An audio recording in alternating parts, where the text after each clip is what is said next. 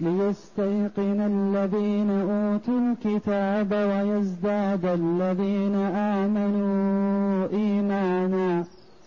ولا يرتاب الذين اوتوا الكتاب والمؤمنون وليقول الذين في قلوبهم مرض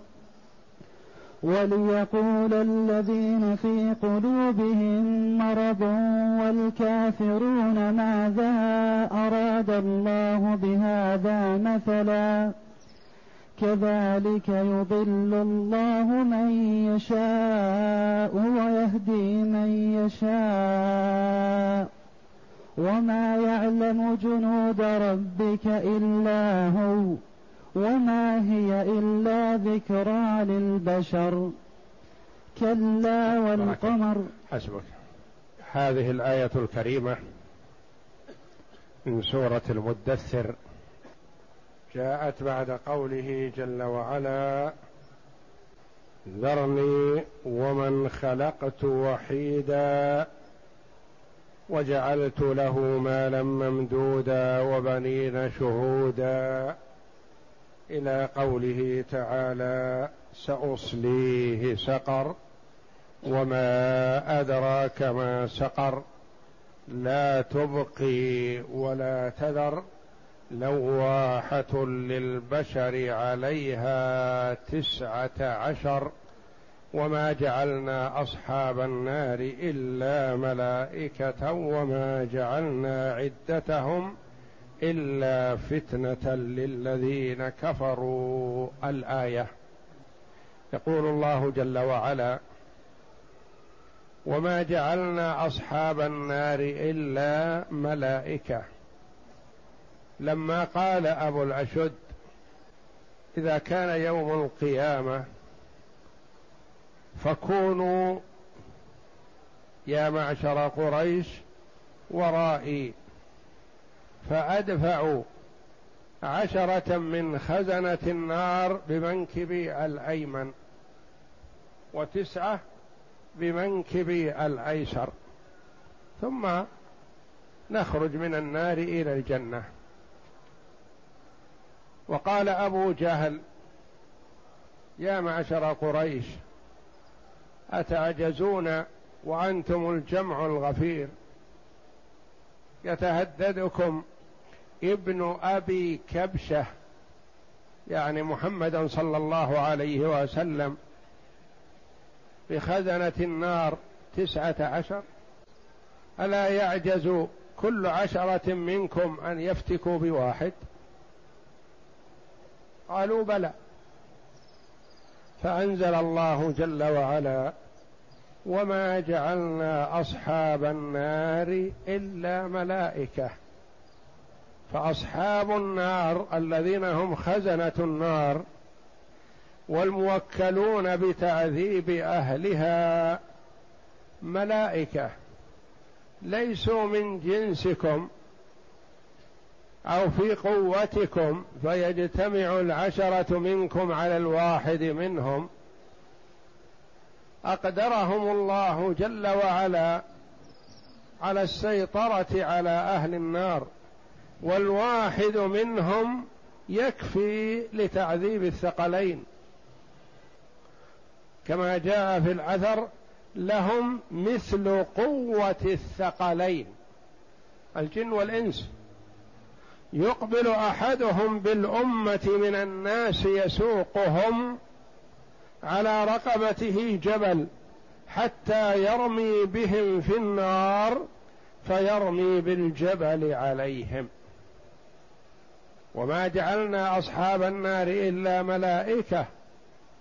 فهم عندهم من القدره والقوه ما الله به عليم ولا طاقه للبشر ولا للثقلين الجن والانس بهم وكما ورد ان جبريل عليه السلام اقتلع قرى ومدائن قوم لوط وكانت سبع سبع مدن متباعده بطرف جناحه ورفعها الى السماء حتى سمع الملائكه صياح ديكتهم ونباح كلابهم فرمى بها فجعل اعلاها اسفلها بامر الله جل وعلا فقدره الملائكه لا يقدر قدرها الا الله سبحانه وتعالى الذي خلقهم وما جعلنا اصحاب النار الا ملائكه لا قدره لكم يا معشر قريش يا كفار قريش بهم وقيل المراد والله اعلم ان الله جعل خزنه النار ملائكه ليسوا من جنس الثقلين فيصير عندهم شيء من الرقه على بني جنسهم فالانسي اذا وكل بتعذيب انسي قد يكون عنده شيء من الرقه والرافه به ولو واحد بالالف والجني اذا كلف بتعذيب الجني فكذلك فالله جعل الموكلين بعذاب الثقلين من يستحق منهم العذاب ملائكه ليسوا من جنسهم ملائكه ليسوا من جنسهم فيرحمونهم ولا يكون في نفوسهم شيء من الرحمه ملائكه كما وصفهم الله جل وعلا لا يعصون الله ما امرهم لان الانس والجن قد يكون عندهم شيء من المعصيه والمخالفه لله تبارك وتعالى اما الملائكه فهم لا يعصون الله ما امرهم ويفعلون ما يؤمرون وعندهم القدره على الاستمرار في العمل ما يتوقفون ولا يعجزون ولا يملون وما جعلنا اصحاب النار الا ملائكه وما جعلنا عدتهم اي تسعه عشر الا فتنه للذين كفروا فتنه ابتلاء وامتحان للكفار حتى يقولوا مثل ما قالوا كذا لو قال الله جل وعليها عليها ألف ألف قالوا لا طاقة لنا بهم لكن قال جل وعلا عليها تسعة عشر فتجرأ أبو جهل أن يقول أكفيكم سبعة عشر ويقول أبو الأشد أكفيكم التسعة عشر كلهم ويقول مرة أخرى ألا تكفوني اثنين وأكفيكم سبعة عشر وما جعلنا عدتهم إلا فتنة للذين كفروا ليفتتن الكفار فيخسروا هذه الفتنة لأن الفتنة الابتلاء والامتحان وقد يفتن المرء فيأخذ الدرجات العالية وقد يفتن فيخفق في هذه الفتنه فيخسر الدنيا والاخره كما قال الله جل وعلا انما اموالكم واولادكم فتنه يعني تفتنون بها والناس في مجال المال والولد اصناف صنف يمتحن بماله ولد وولده فياخذ الدرجه العاليه يربي الولد على طاعة الله وينفق المال في مرضاة الله وآخر يربي الولد على معصية الله أو يهمله ويضيعه وينفق المال في معصية الله فيخسر الدنيا والآخرة فالفتنة الابتلاء والامتحان والمرء يسأل الله السلامة من مضلات الفتن لما قيل عند احد الصحابه نسال الله العافيه من الفتنه قال ما منكم من احد يغدو في اهل ومال الا وهو في فتنه ما يحب الانسان انه يعيش وحده يبي المال والولد والاهل فهو في فتنه لكن في هذه الفتنه قد ينجح وقد يخفق انما اموالكم واولادكم فتنه وما جعلنا عدتهم الا فتنه ابتلاء وامتحان للذين كفروا ليتجرؤوا الى هذا القول الذي قالوه وقيل جعلنا هذه العده سبب لعذاب الكفار لان الفتنه تطلق ويراد بها العذاب كما قال الله جل وعلا يوم هم على النار يفتنون يعني يعذبون الا فتنه للذين كفروا كفار قريش وغيرهم ليستيقن الذين اوتوا الكتاب ليستيقن ليتيقن اليهود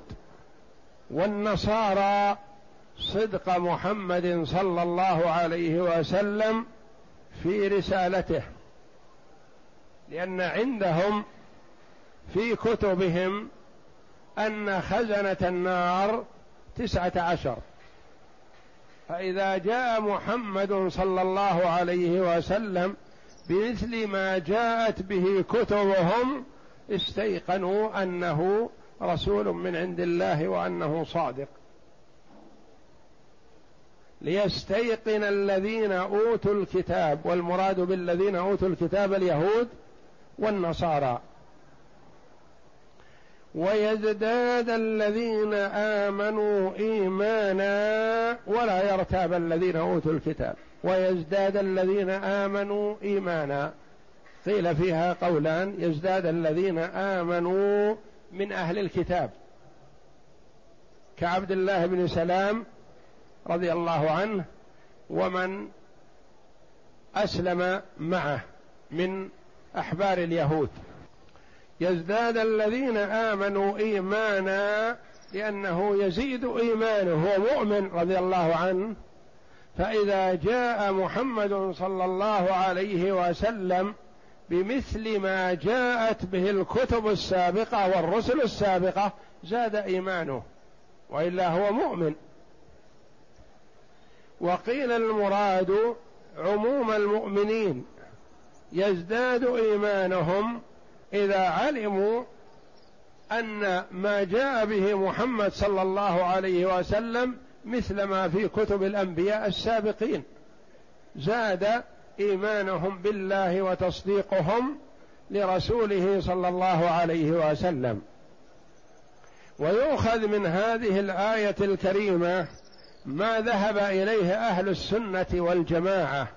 من ان الايمان يزيد وينقص يزيد الايمان بالطاعه وينقص الايمان بالمعصيه فكلما اكثر المؤمن من طاعه الله جل وعلا زاد ايمانه وكلما وقع المسلم في المعصيه نقص ايمانه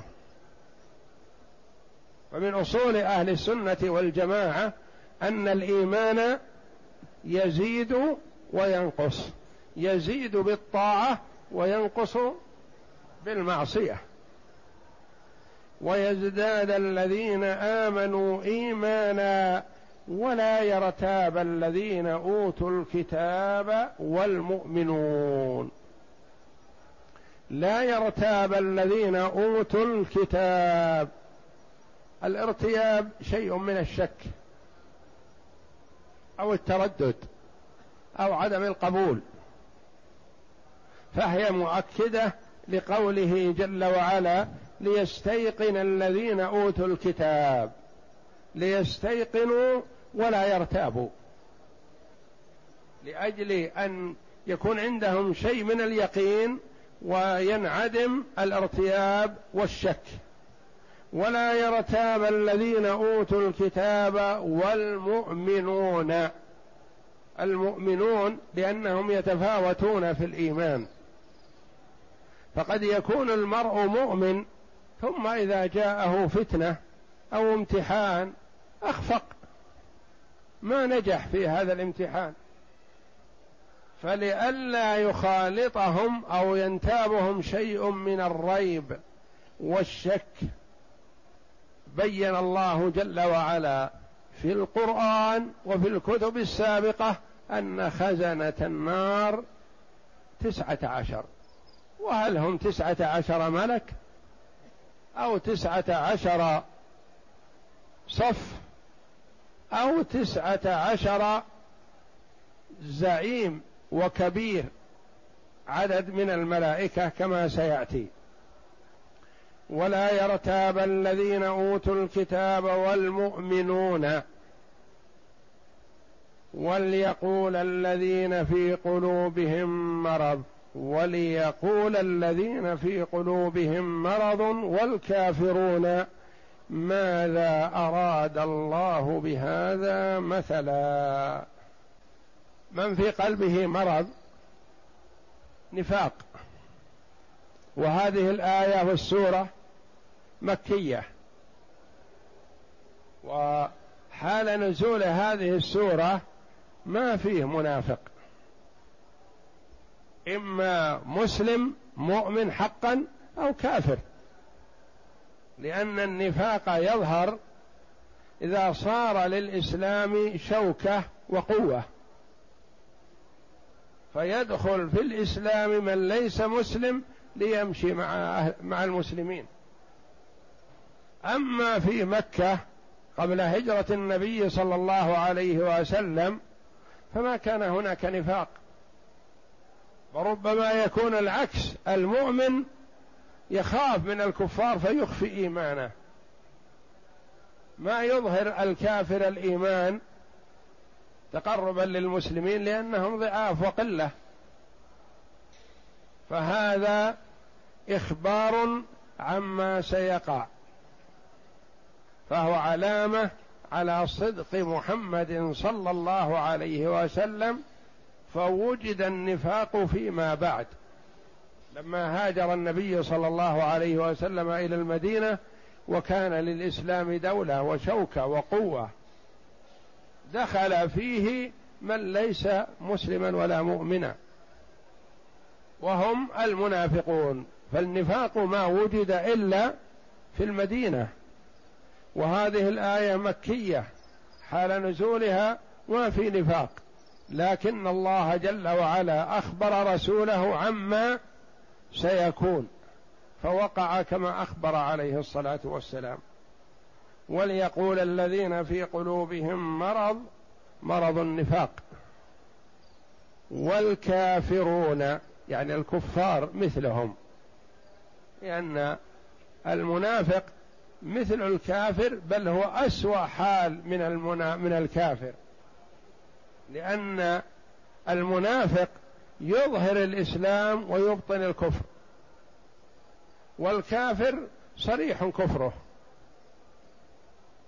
فالمنافق أضر على المسلمين من الكافر الخالص حتى وإن صلى معهم وصام وحج واعتمر ما دام منافق فهو أضر عليهم من الكافر لأنه يدخل معهم بصفة أنه واحد منهم وهو عدوهم فلذا توعدهم الله جل وعلا بالوعيد الشديد فقال إن المنافقين في الدرك الأسفل من النار لأنهم كما قال الله جل وعلا يخادعون الله وهو خادعهم وليقول الذين في قلوبهم مرض والكافرون ماذا اراد الله بهذا مثلا ماذا هذه كلمه واحده اسم استفهام ماذا اراد الله بهذا القول حينما قال على النار تسعه عشر ماذا أراد بهذا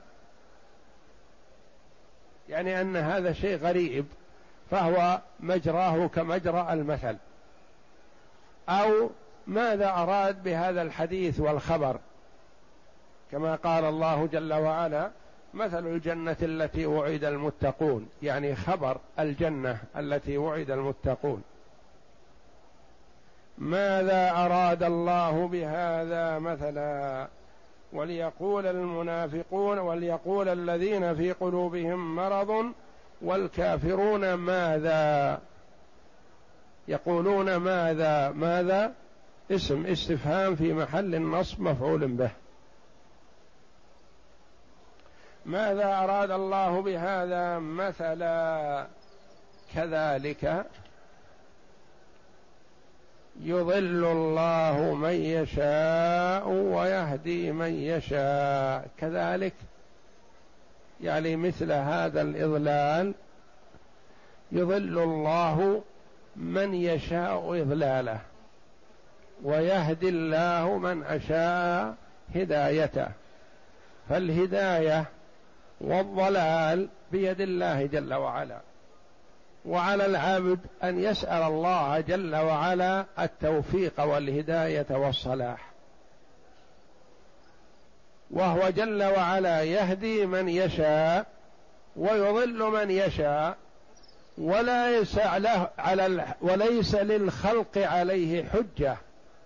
لانه اقام الدليل والبرهان ووهب العقل فهو جل وعلا اقام الحجه على العباد بما ارسل من الرسل وانزل من الكتب ووهب العقول التي يميزون بها فاقام عليهم الحجه فوفق من شاء لهدايته تفضلا منه واحسانا واضل من شاء عدلا وحكمه جل وعلا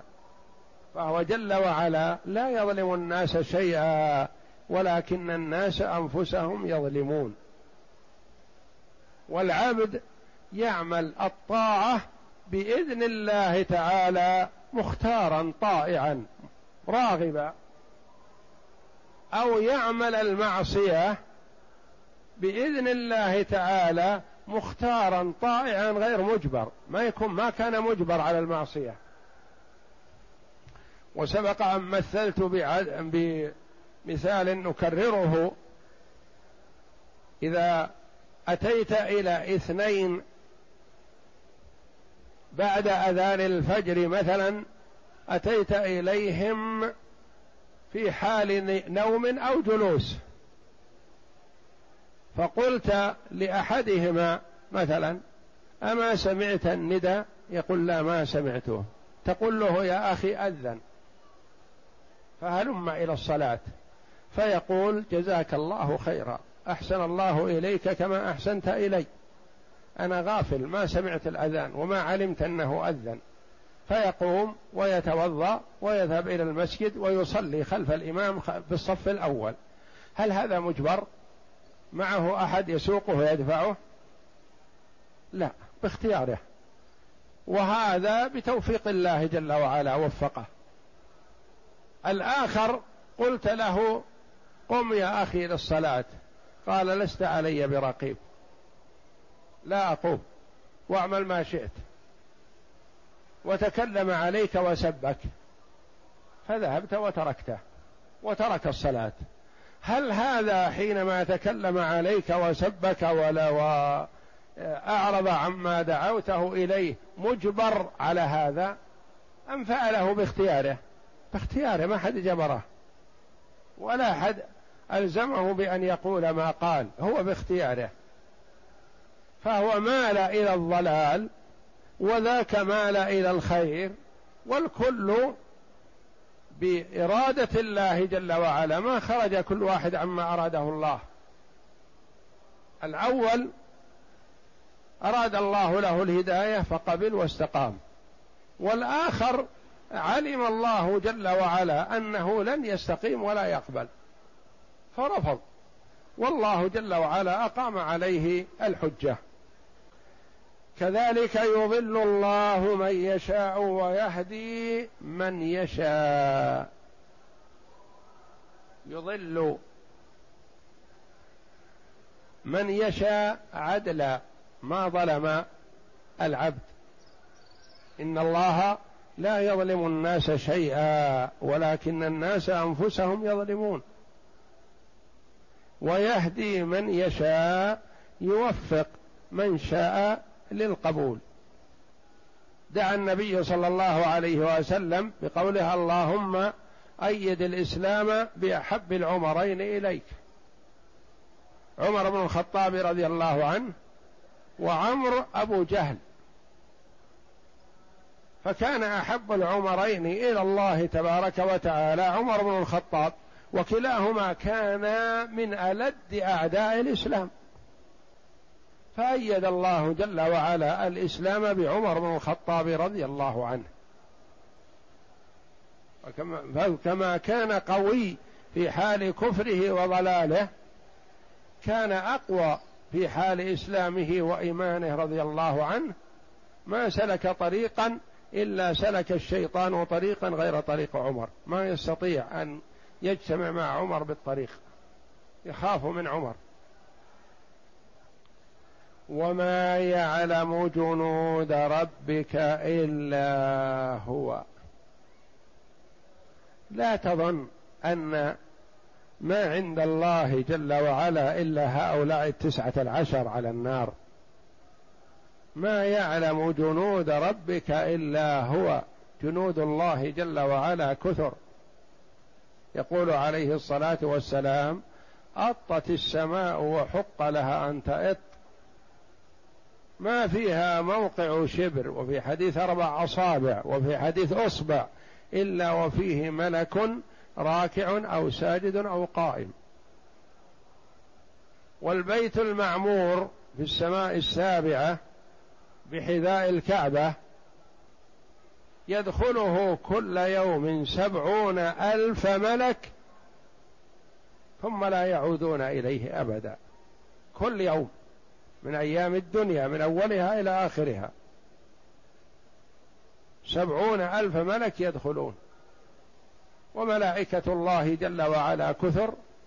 ما يعلم عددهم إلا الله سبحانه وتعالى وهم متفاوتون واعمالهم متعدده وكلهم الله جل وعلا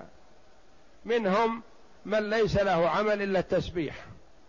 ومنهم من يمضي الدنيا بركعه ومنهم من يمضيها بسجود ومنهم الموكلون بالارحام والنطف ومنهم الموكلون بقبض الارواح ومنهم الموكلون بالقطر والمطر ومنهم الموكلون بالجبال ومنهم الموكلون بالوحي ومنهم الموكلون بحمله العرش ومنهم من حول العرش ومنهم من هو في السماء الدنيا والسماء الثانيه والسماء الثالثه ملأ بالملائكه وما يعلم جنود ربك الا هو لا تظن ان هذا العدد هو عدد الملائكه وان الملائكه قله هم كثيرون لا يعلم عددهم الا الله تبارك وتعالى فعن ابي ذر رضي الله عنه قال قال رسول الله صلى الله عليه وسلم اطت السماء وحق لها ان تئط ما فيها موضع اصبع الا عليه ملك ساجد وحديث ابي سعيد الخدري رضي الله عنه انه عليه الصلاه والسلام ليله اسري به قال فصعدت انا وجبريل الى السماء الدنيا فاذا انا بملك يقال له اسماعيل وهو صاحب سماء الدنيا وبين يديه سبعون الف ملك مع كل ملك جنده مئة ألف وأخبر جل عليه الصلاة والسلام عن البيت المعمور في السماء السابعة يدخله كل يوم سبعون ألف ملك ثم يخرجون ولا يعودون كل يوم يدخله سبعون ألف فإذا خرجوا ما عادوا إليه مرة أخرى طوال الدنيا يعني ما يرجعون مرة أخرى من كثرة الملائكة عليهم الصلاه والسلام وما هي الا ذكرى للبشر ما هي اي سقر قوله ساصليه سقر وما ادراك ما سقر لا تبقي ولا تذر لواحه للبشر عليها تسعه عشر ثم تحدث جل وعلا عن الملائكه ثم قال وما هي سقر الا ذكرى للبشر تذكره وعظه والله جل وعلا يذكر عباده باحوال يوم القيامه حتى يكون المرء يراها كانها راي عين لو تامل المؤمن الايات القرانيه في ذكر يوم القيامه يتصورها كانه يراها راي عين ومن قرأ السور التكوير والانفطار والانشقاق صار يوم القيامة بين يديه كأنه رأي عين وما هي إلا ذكرى يعني ذكرها موعظة وذكرى للبشر لبني آدم ذكرى لهم وموعظة لمن اراد الله جل وعلا له الهدايه فهو اذا سمع عن النار وعرف ما سيكون يوم القيامه وايقن وايمن بذلك استعد وعمل ليسلم من النار عمل العمل الصالح ليسلم من النار لان المرء اذا كان في طريق سفر واخبر بان امامه مفازه لا ماء ولا مرعى ولا شيء من هذا ولا محطات ولا اناس استعد ليعبر هذه المسافه سالما من الهلاك فالمرء يخبر عن يوم القيامه وما فيه من الاهوال ليستعد وبماذا يستعد بالزاد وما هو الزاد التقوى والايمان بالله جل وعلا ورسوله صلى الله عليه وسلم والاستعداد بالعمل الصالح لانه لا ينجو من ذلك اليوم كما قال الله جل وعلا الا من اتى الله بقلب سليم اتى الله بقلب مؤمن نجا والايمان كما عرفنا قول وعمل واعتقاد يعني ما يكفي إيمان القلب كما يزعم بعض الجهلة يقول قلبي نظيف وهذا ما فيه غش لأحد ولا يحتاج أن أعمل يقول أركان الإيمان لا بد منهن يعني يكون المرء مؤمن قول وعمل واعتقاد فإن قال بدون اعتقاد فذلك المنافق وإن اعتقد كما يزعم بدون عمل فذلك كذب افتراء ادعى فقط وانما الايمان الذي في القلب يصدقه العمل الصالح فاذا وجد القول والايمان والعمل والاعتقاد صح الايمان ونفع صاحبه والله اعلم وصلى الله وسلم وبارك على عبد ورسول نبينا محمد وعلى اله وصحبه اجمعين